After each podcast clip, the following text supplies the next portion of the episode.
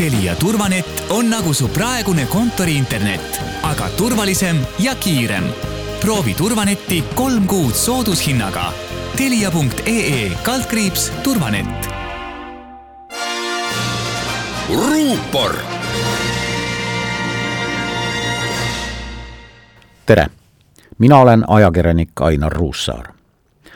kahe ja poole kuu pärast hakkavad nad meile presidenti valima nemad ehk siis parlamendipoliitikud Riigikogus või parlamendipoliitikud koos omavalitsuste esindajatega valimiskogus.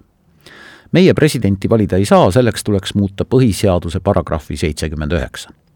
põhiseaduse muutmine demokraatlikus riigis on õnneks piisavalt keeruline protsess ja niisama seda ette ei võeta täna on ainult Keskerakond see partei, kes jätkuvalt püüab valijate hääli lubadusega kunagi siiski anda rahvale voli endale riigipea valida see loosung kerkis Keskerakonna lubaduste sekka juba aastate eest Edgar Savisaare valitsemise ajal. uuringud näitavad, et kõigi parteide valijad pooldaksid moel või teisel presidendi otsevalimisi. miks neid siis ei ole?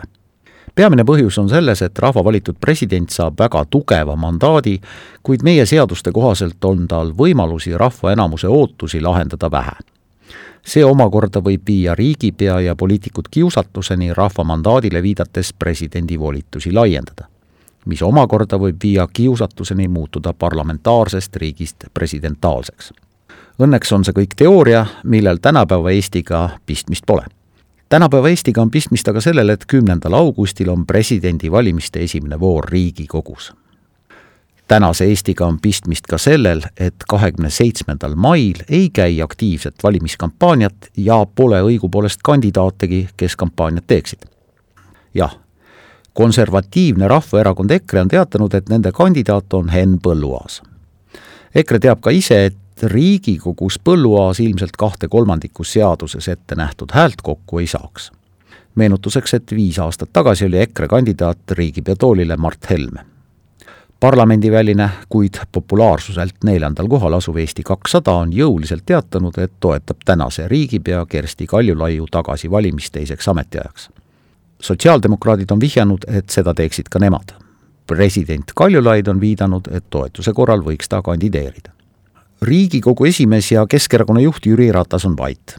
ta lubas maikuu viimaseks päevaks teada anda, kas otsustab Kadriorgu kandideerida või mitte mõned kuud tagasi alustas just Ratas ühismeedias presidendivalimiste kampaaniat, kutsudes inimesi üles pakkuma oma kandidaate. Facebooki leheküljel kerkisid siis esile Tarmo Soomere ja Ülle Madise nimed. keskpartei juhatus teatas nüüd, et enne erakonna võimaliku kandidaadi nimetamist tuleb jätkata erakondadevahelisi konsultatsioone, leidmaks Eestile parim võimalik riigipea ja lubas kaaluda kandidaate nii erakonna seest kui ka väljastpoolt tulemust tuleb eelistada kiirusele, kinnitasid Keskerakonna juhid.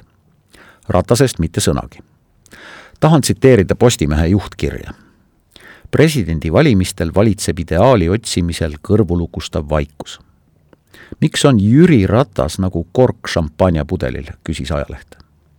äkki mõtlevad poliitikud täna nii, et rahvale pole show'd vaja, sest rahvas niikuinii ei vali? vaevalt küll.